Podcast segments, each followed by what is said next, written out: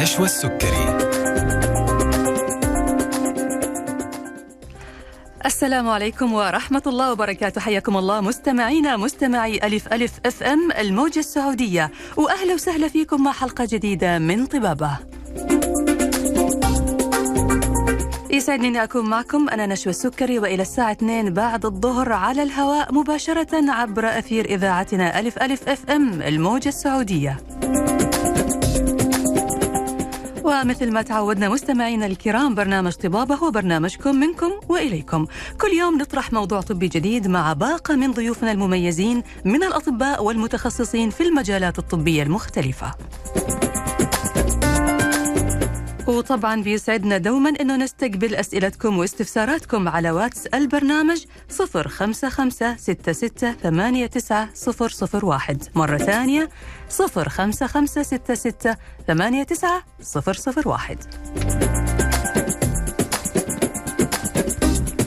ولأننا مستمرين في حملة شهر أكتوبر الوردي ولأنه رايتك وردية ورايتنا وردية ورايتكم أنتم كمان مستمعينا الأعزاء وردية. هنواصل اليوم الحديث عن سرطان الثدي لكن من مفهوم آخر. إيش هو سرطان الثدي؟ ليش ممكن تصاب فيه امرأة عن غيرها من النساء؟ وكيف أحمي نفسي من هذا المرض؟ هذه الأسئلة وغيرها راح نطرحها اليوم على ضيفنا اللي بيكون معنا في حلقة اليوم الدكتور ممدوح عيون السود استشاري الجراحة العامة بمستشفى دلا نمار. حياك الله دكتور ممدوح وأهلا وسهلا فيك. أهلا وسهلا فيكم. الله يسلمك يا دكتور. دكتور طبعا إحنا في شهر أكتوبر الحملة المستمرة للتوعية بسرطان الثدي وبأهمية الفحص المبكر لاكتشاف هذا المرض اللي ممكن يكون سبب طبعا في مشاكل كبيرة جدا وقد تفقد المرأة حياتها لا قدر الله إذا تم اكتشافه في مراحل متأخرة. اليوم يمكن حابين نتكلم بعمق أكثر عن سرطان الثدي. نبغى نعرف إيش هو هذا المرض؟ إيش هذا المرض اللي بيطلق عليه المرض الخبيث؟ فعرفنا يا دكتور من مفهوم علمي إيش هو سرطان الثدي يعني هو عادة هي عبارة عن مجموعة من الأمراض آه يميزها عادة إنه آه نمو وتكاثر للخلايا غير طبيعي، نحن عادة بجسم الإنسان آه كل خلايا الجسم أو معظمها لنكون دقيقين نعم. في خلايا تنقسم وتنمو وفي خلايا تتموت.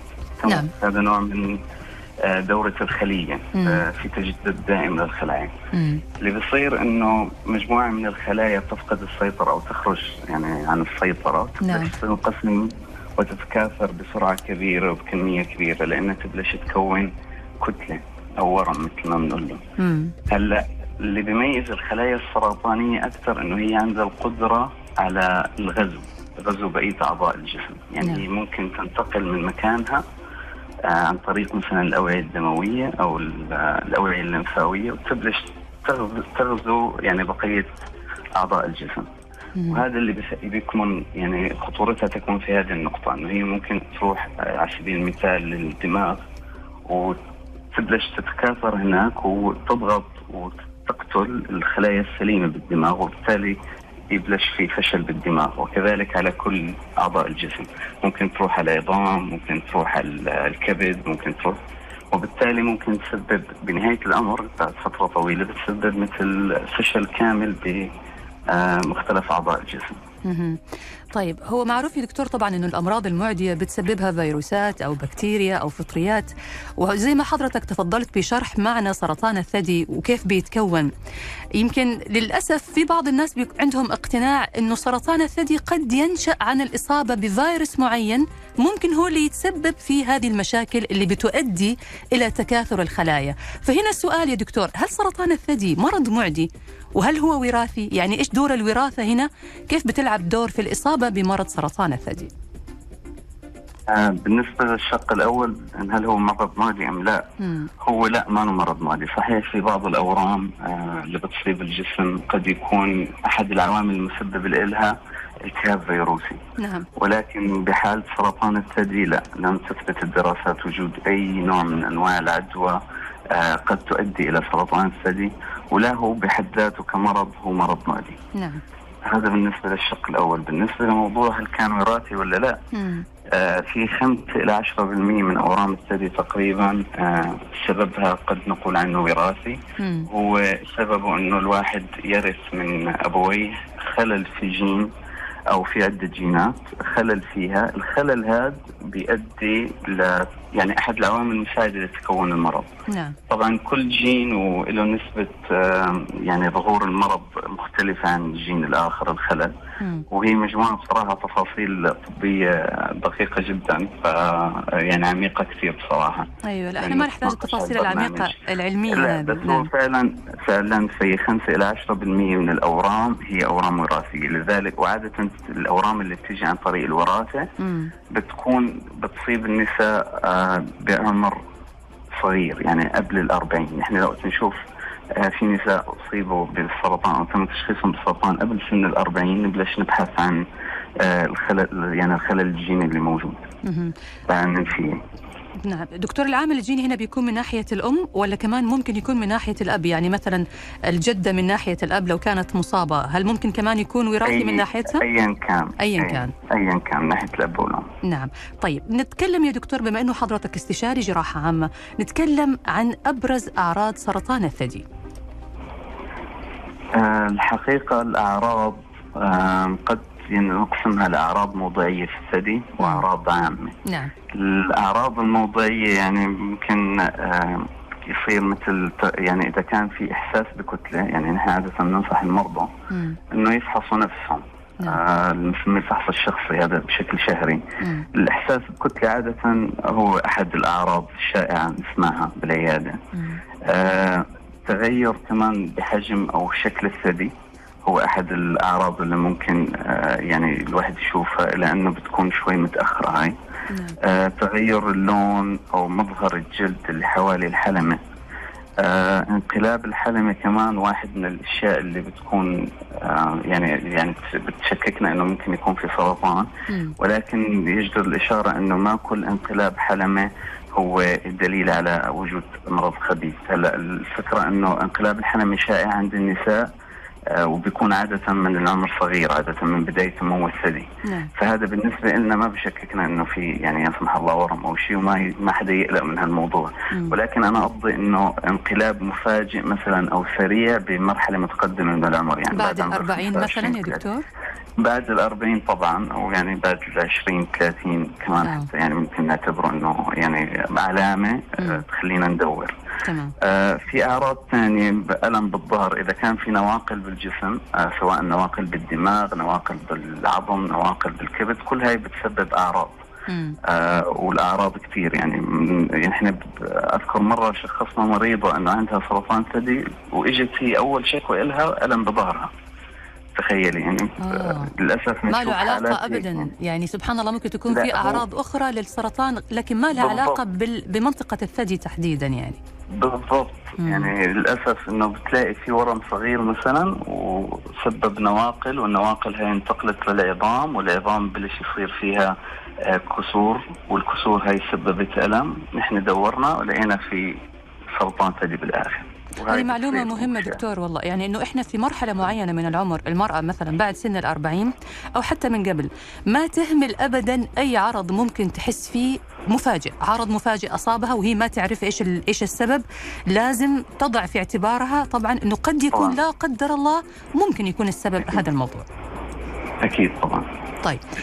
يعني مجموعه تفضل. اعراض كبيرة بصراحة على إنه نقدر نحصرها يعني. يعني لو حضرتك تعطينا فكرة عامة سريعة عن أبرز الأعراض. يعني قد نقول كمان خسارة بالوزن سريع. الأعراض العامة عادة. مثلا إذا لاحظ لاحظ أنه والله في نقص بالوزن والشهية كو- يعني كويسة. مم. أو حتى فقدان بالشهية غريب ما ما هو طبيعي. هل يكون كمان اصفرار بالعيون قد يكون سبب؟ آه، من كثير الأعراض الشائعة إحساس بكتل تحت الابط. هاي يعني آه لأنه يعني عادة أول ما الورم يسمح الله يعني بيصيب شخص وبيبلش بده ينتقل. بينتقل أول انتقال له للغدد الليمفاوية اللي موجودة بالأبط. فهي بتبلش تسبب مثل انتفاخ ونحن انتفاخ بالأبط وممكن إذا يعني فحص نفسه الشخص يحس إنه في مثل حبيبات حبوب أو مثل حبة فول تحت مم. آه طبعا انتفاخ الغدد الليمفاوية شيء شائع كثير شغلات بتسببه صحيح ولكن. نحن عادة بنقول بنقول إنه انتفاخ بالغدد الليمفاوية غير مؤلم. لما. يكون الانتفاخ غير مؤلم وقاسي كتل قاسي هون نحن بنبلش بنشك تمام. إنه هذا يعني قد يكون سببه سرطان طيب هناخذ تفاصيل أكثر يا دكتور عن هذه النقطة تحديدا كيف نفرق بين انتفاخ الغدد الليمفاوية السرطاني والانتفاخ العادي اللي ممكن يس يعني ينشأ عن أي سبب آخر؟ وهنرجع نواصل حوارنا بعد فاصل قصير.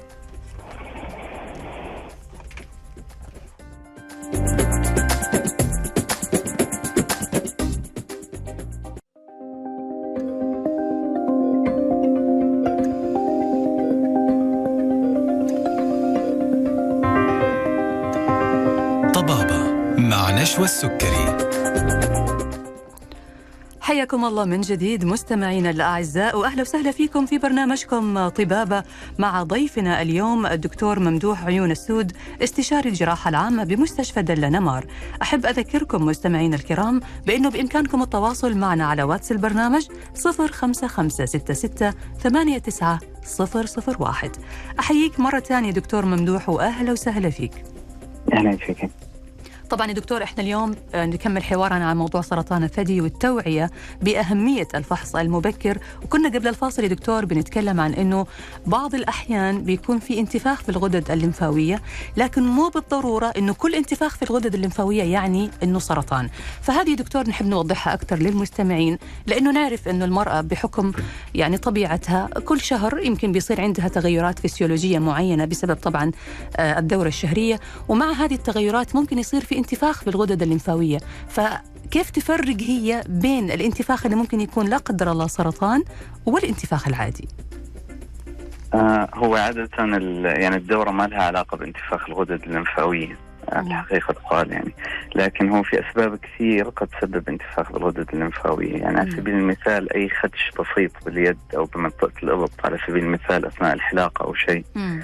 يخلي في آه، بكتيريا تدخل وتسبب طبعا الغدد الليمفاوية وظيفتها الرئيسية إنه هي تنظف مجرى ال- ال- القنوات يعني خلينا نقول القنوات الليمفاوية أو الأوعية الدموية نعم من البكتيريا مم. والتلوث مم. فأي شيء يسب- يسبب تلوث حيخلي ال- ال- الغدد الليمفاوية هاي تنتفخ وتلتهب وتصير مؤلمة كحماية عادة يعني بالضبط هي مم. كان مثل فلاتر نحن بنحاول أيوة، نطلق خط عليها الدفاع. مجازي بالضبط نعم. هو خط دفاع مم. ف... فبالتالي يعني في كثير أسباب وغيرها من أسباب أي التهاب فيروسي بالجسم ممكن ينفخ كل يعني كل الغدد الليمفاويه بالجسم. مم. متى آه نحن؟ عادة تقلقي لما تكون الانتفاخ على جهة واحدة مم. وم... وغير مؤلم، مم. هذا اللي يقلق ويكون نعم. واضح يعني إنه في هاي وقتها هاد آه الأفضل إنه تروح لعند الطبيب مم. وعادة يعني بيتم إجراء فحص سريري وصورة أشعة آه، سونار وعادة تتضح الأمور إنه هل في داعي إنه يعني نطمن المريض أم لا نروح ناخذ خزعة ويعني نعرف إيش سبب الانتفاخ.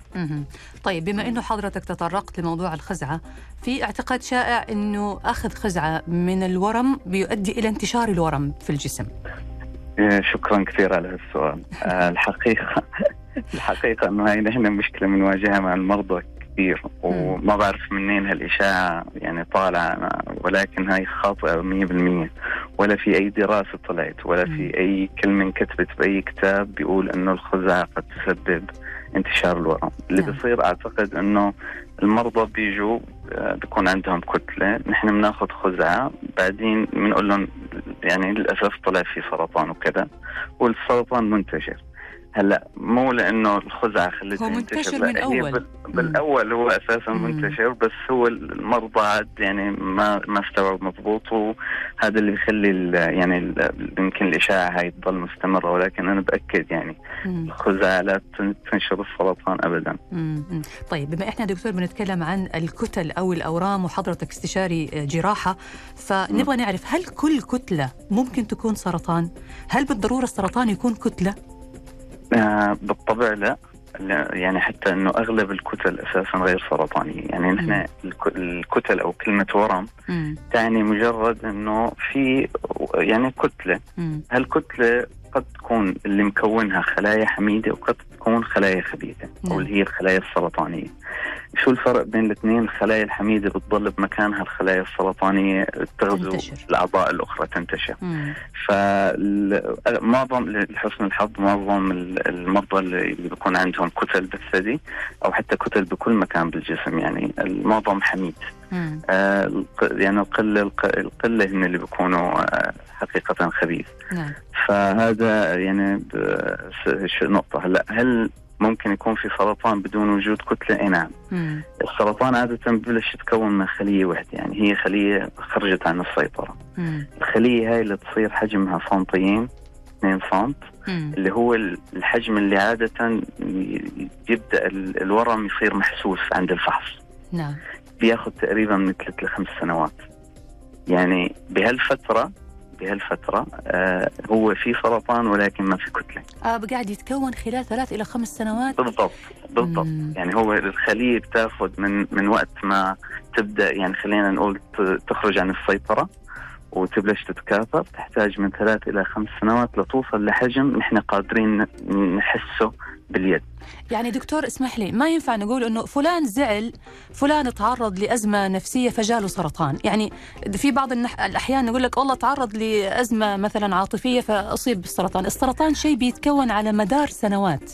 صحيح. امم طيب تفضل. ما هو شغلة ما هو ما هو شغلة نهائيا مفاجاه نعم. والزعل والزعل ما له علاقة بالموضوع يعني ما نهائيا يعني. مم. مم.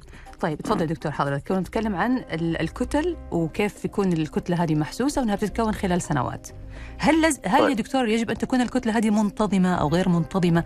إيش شكل الكتلة؟ إيش إحساسها؟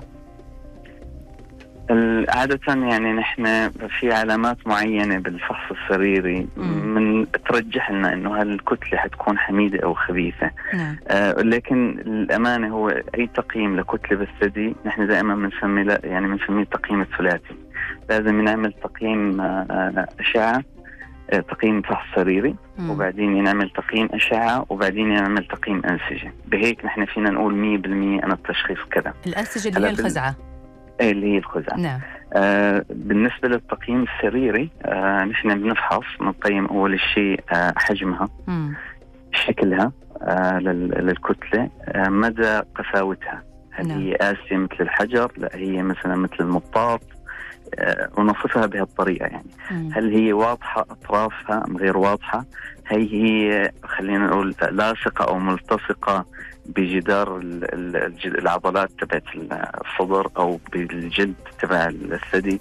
هل هي آه ثابتة في مكانها ولا تتحرك. عادة عادة الأورام الخبيثة هي الأورام اللي بتكون الكتل محجرة يعني أميل للحجر. مم. وبتكون غير منتظمة الجدار ملتصقة بالأنسجة اللي حواليها اللي ما بتتحرك بسهولة. مم. عادة هاي هي المواصفات تبعتها. جميل. بنفس الوقت ال- الفحص ال- لازم ينفحص كمان الإبط لأنه قد تقييم الإبط آه، يعني بأنه هل في غدد لمفاوية أم لا. وشكل الجلد كمان أحيانا بي- في علامات معينة آه، مثل علامة آه، خلينا نقول جلد البرتقالة آه، اللي هو ال- يعني بتلاقي في مثل المسامات اللي في الجلد في انتفاخ بالجلد المسامات بتصير واضحة بارزة مثل مم. آه، قشرة البرتقال مم. ف... فهذه يعني علامات بنعتمد عليها بالفحص السريري وبعدها بنطلب نحن الأشعة مم. وفي حال الأشعة كانت آه، خلينا نقول مشككة نعم آه، أو غير مطمئنة 100% آه، عادة نحن بنعت- بنعتمد ناخذ نطلب خزعة. أما إذا أنا والله فحصت سريريا ولقيت أنه بال... بالأشعة كمان هي مثلا 100% مرض حميد لأنه في في كتل حميدة مم. عادة نحن ممكن نقول للمريض خلص مثلا بعد ثلاث أشهر من عيد الأشعة من عيد الفحص نتأكد انه الأمور كلها تمام قبل ما نقول لك هاي 100% حمل. مم. آه وقد لا نفضل إنه إذا في حال كان في أي شك سواء آه بالصورة الإشعاعية أو بفحص اليد يعني ال- الفحص الكلينيكي وقتها بنقول لا خلينا ناخذ خزعة عشان آه يعني شك من اليقين. كمان هنعرف يا دكتور من حضرتك هل ممكن الإصابة بورم حميد يتحول إلى ورم خبيث؟ بس هنطلع فاصل ونرجع بعده نواصل حوارنا في تفضل. برنامج طبابة.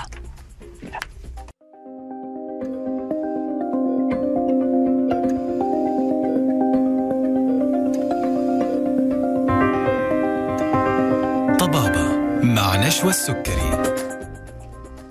حياكم الله من جديد مستمعينا الأعزاء وأهلا وسهلا فيكم مع حلقة جديدة من برنامجكم طبابة ومع ضيفنا في حلقة اليوم الدكتور ممدوح عيون السود استشاري الجراحة العامة بمستشفى دلا نمار وموضوعنا اليوم عن سرطان الثدي وعن التعريف بسرطان الثدي وأهمية الكشف المبكر لاكتشاف المرض في مراحله الأولى. حياك الله دكتور ممدوح وأهلا وسهلا فيك من جديد.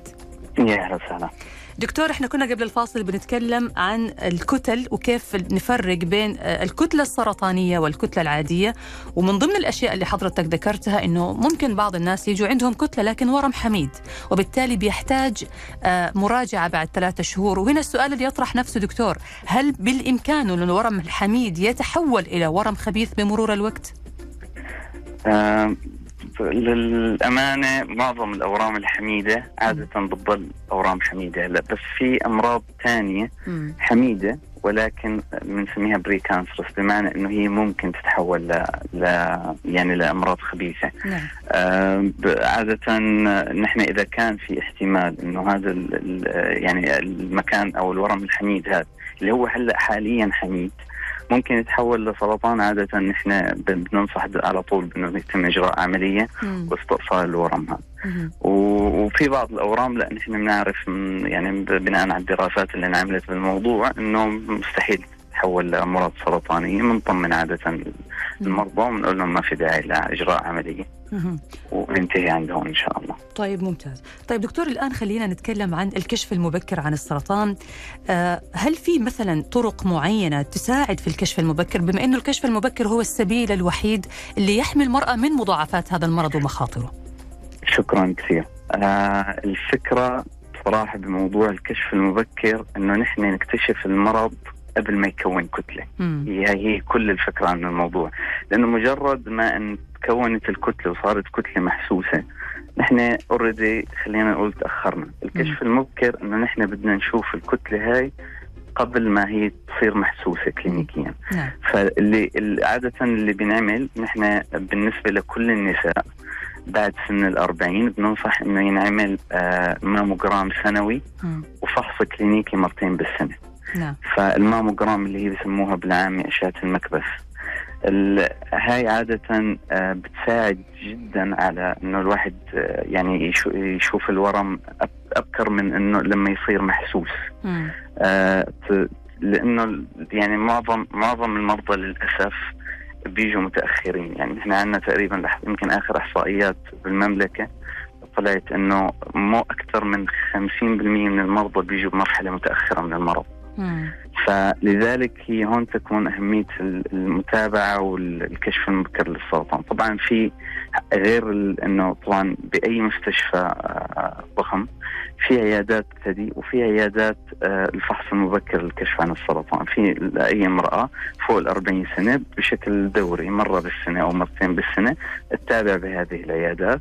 هن عادة روتينيا بيكون لها ملف بتعمل أشعة وبتعمل فحص سريري وبتطن يا أما بعدين هن بتواصلوا معها بيقولوا لها الأمور تمام أو بيقولوا لها لا في اشتباه.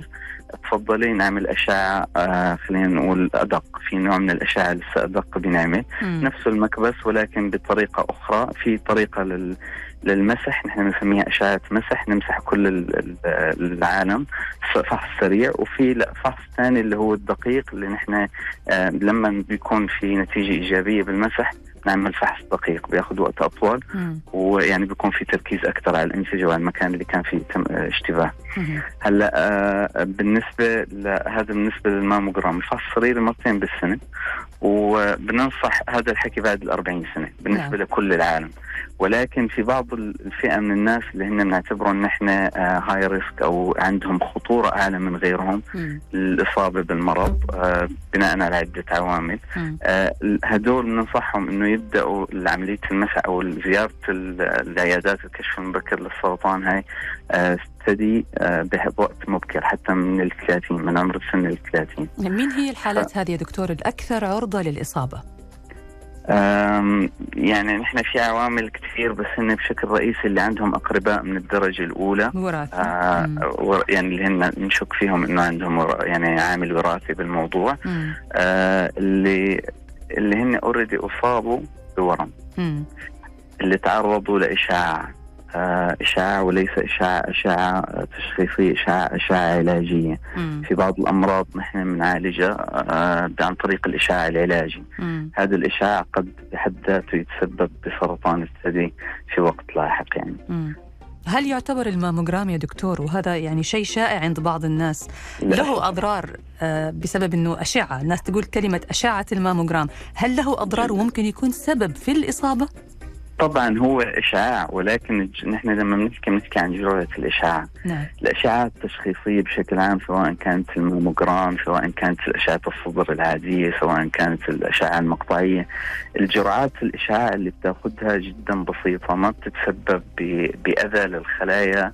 لتخليها تصير سرطانية. يعني جرعة جدا جدا بسيطة. يعني آه، أذكر أنه قرأت أنه بتعادل آه، كأنه أنت يعني آه، نازلة تتمشى بالشمس نص ساعة. مم. يعني كأنك يعني الإشعاع اللي موجود بال بال بال- بالطبيعة مم. يعني نص ساعة تعرض للإشعاع اللي موجود بالطبيعة مم. فالجرعة جدا بسيطة وما بتسبب يعني آه، ولا في أي دراسة أثبتت ولا نفترض أنه هي كانت بتسبب فالفائدة أساسا اللي بياخذها الشخص من الماموجرام أو ال- يعني المرأة من الماموجرام أعلى بكثير من هالضرر البسيط جدا اللي يكاد يكون يعني آه، لا شيء. تمام هل في دكتور إرشادات معينة لازم نتبعها للكشف المبكر لمرض سرطان الثدي؟ آه، عادة نحن ننصح النساء اللي تحت عمر الأربعين. آه، يفحصوا يعني يفحصوا نفسهم آه، يفحصوا الثدي بعد انتهاء الدورة بيومين ثلاثة يعني ممكن يعني الواحد يدخل الت- التفاصيل يعني يدخل على النت يشوف آه، مليان على اليوتيوب فيديوهات كيف نعمل فحص آه، للنفس مم. أمام إم- المرأة يعني تحط مراي قدامها وتفحص نفسها مم. والهدف منه ما فقط بس إنه تكتشف إذا كان في كتلة ال- الهدف منه إنه هي تتعرف على الثدي يعني هي تعرف الثدي وكيف إحساس آه كيف بينحس الثدي الطبيعي آه علشان بعدين في حال تكون شيء تلاحظه. يعني نحن هذا هو السبب الرئيسي إنه بدنا النساء تتعرف على الثدي علشان بعدين لو صار في كتلة حتى لو كانت صغيرة تحس إنه في شيء غلط عرفتي كيف؟ جميل دكتور إيه وبالنسبة بعد عمر الأربعين بس ال- ال- عيادات الكشف المبكر للسرطان موجودة بكل المستشفيات بكل المراكز الصحية مم. وبكل يعني حتى هلأ في بالمولات بتروحي بتلاقي ال- ال- السيارات المتنقلة هاي عيادات المتنقلة صغيرة هاي بتلاقي شاحنة صغيرة فيها جهاز ماموجرام فيها طبيب أشعة فيها طبيب أو طبيب جراحة تعمل فحص كلينيكي مم. يعني موضوع نص ساعة ساعة بتكوني عاملة الفحص ومخلصي وتطمن. أيوه وتطمن. تطمن يعني. هن بصراحه بصراحة ال- يعني في في كثير يعني الحملة جدا قوية ومن سنوات وكل سنة عم عم تقوى عن السنة اللي قبلها بصراحه مم. وعم نشوف بلشنا نشوفهم آه، بشكل قوي. يعني حتى بالمولات بالشوارع الرئيسية بتلاقيهم موجودين وقاعدين عم عم يوفروا هال- الخدمة للعالم. بس إنه تعالوا لإنه الأمانة الهدف الرئيسي من هالموضوع إنه اكتشاف اكتشاف المرض بفترة مبكرة مم. يعني قبل ما يصير مقاس الورم سنتيين لنكون دقيقين. يعني يعني يعني تقريبا شفاء بنسبة 95% بإذن الله تعالى إيه. إحنا هنعرف يا دكتور آه، نكمل طبعا الأسئلة مع حضرتك وهنعرف إيش هي طرق العلاج الفاعلة في مرض سرطان الثدي بس بعد ما نطلع فاصل قصير نرجع بعد ونواصل حوارنا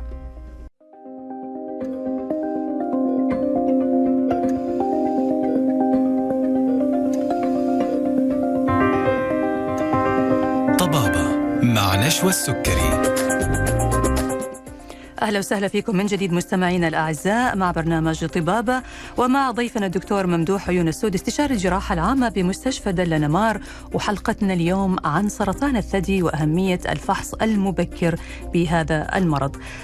طبعا مستمعينا الكرام بنستقبل مشاركاتكم على واتس البرنامج 055 66 89001 أرحب فيك مرة ثانية دكتور ممدوح. أهلا تيجي أهلين. دكتور طبعا إحنا يعني الحقيقة الوقت اللي باقي معانا وقت بسيط جدا بس نحاول بسرعة إنه نجاوب على بعض الأسئلة اللي جاتنا. وبرضو في بعض الأمور المهم إنه إحنا نعرفها يا دكتور. هل ألم الثدي؟ آه، لا يعني إنه في ورم. يعني دائما إيش العلاقة بين الألم وبين الإصابة بالورم؟ لأنه يقولوا دائما هو ورم صامت أو مرض صامت ما له مؤشرات. صحيح هلا ال- يعني نحن بنسميه عادة الورم الخبيث لأنه هو يعني ما بسبب الأعراض اللي تخلي المريض يروح لعند الدكتور مم.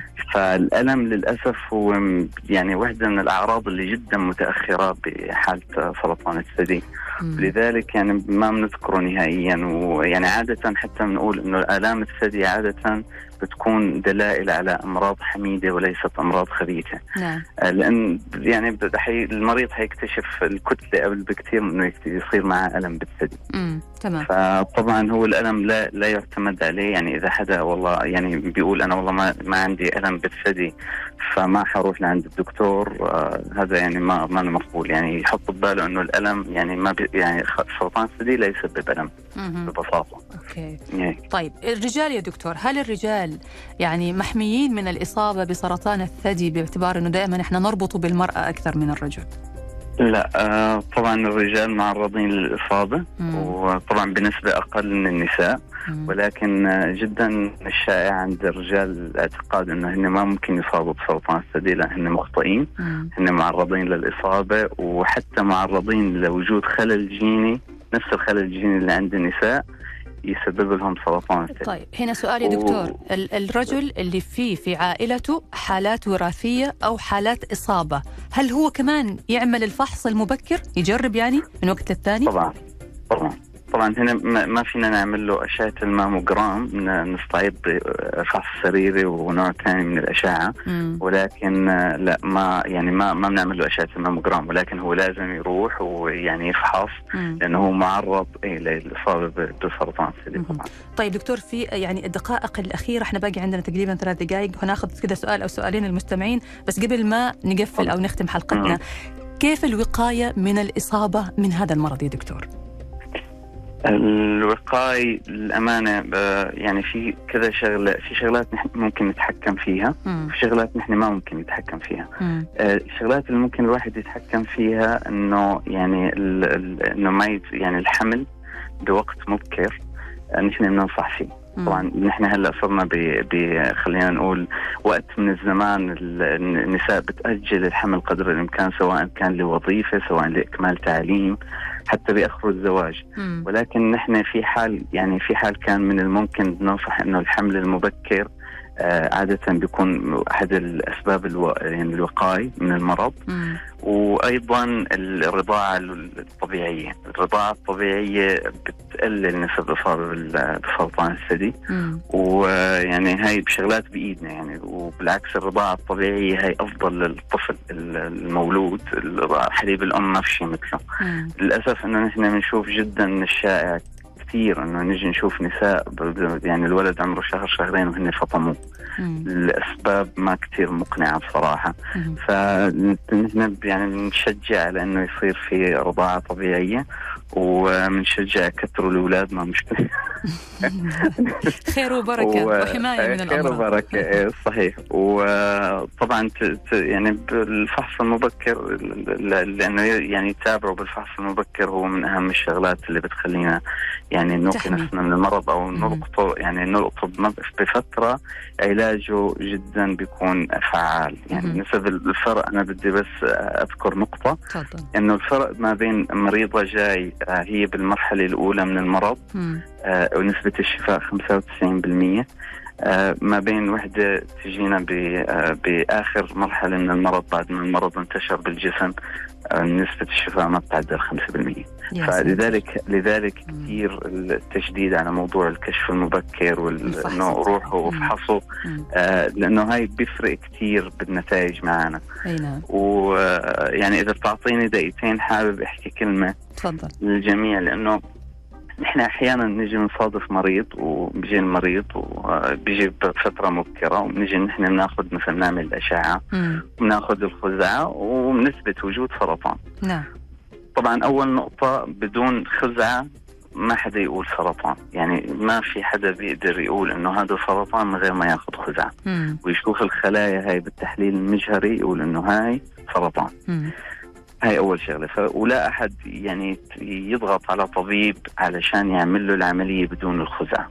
لأي سبب كان لأنه يعني إجراء العمل... العملية الجراحية اللي بتنعمل لمرض السرطان هي غير العملية الجراحية اللي بتنعمل لكتله عادية أنا حابب أشخصها مم. والفرق يعني بتفرق كثير حتى بالعلاج بعدين يعني ما بين استئصال كامل لكل الكتلة نعم لكل الورم بحدود. سليمة مم. ما بين إنه نحن نستأصل كتلة ويطلع لسه باقي نص الكتلة ولا جزء خلايا لسه موجودة جوا بده يدخل مرة ثانية على العملية مم. وفرق وفرق ال- الصراحة البروجنوزز نحن نسميه اللي هو توقع تحسن أو توقع الشفاء تبعه مم. بيفرق كثير فلذلك نحن الخزعة صارت آه، هلأ بأيامنا ومن فترة يعني بصراحة من أكثر من 10 سنين ما تستأصل كتله من الثدي بدون خزعة. أيوه أنا دكتور نقطة. بشكر حضرتك بس إحنا للأسف يعني الوقت مع حضرتك صراحة ما شاء الله لا يمل لكن وصلنا إلى ختام. الحلقة. لكن عندنا كمان في أسئلة جاتنا. بنستأذن حضرتك الأخ أبو محمد من جدة أرسل لنا سؤال. هنرسله لحضرتك وممكن يعني حضرتك تجاوب على سؤاله. وإحنا بنشكرك يا دكتور لازم يعني نختم الآن حلقتنا. أنا بشكرك جزيلا. سعيدة شكرا وشكراً لكم شكرا. دكتور ممدوح شكراً. عيون السود استشاري. الجراحة العامة بمستشفى دلة نمار شكرا لوجودك معنا والشكر لكم أنتم أيضا مستمعينا الكرام نلقاكم على الخير على خير إن شاء الله في الغد بإذن الله تعالى في حفظ الله ورعايته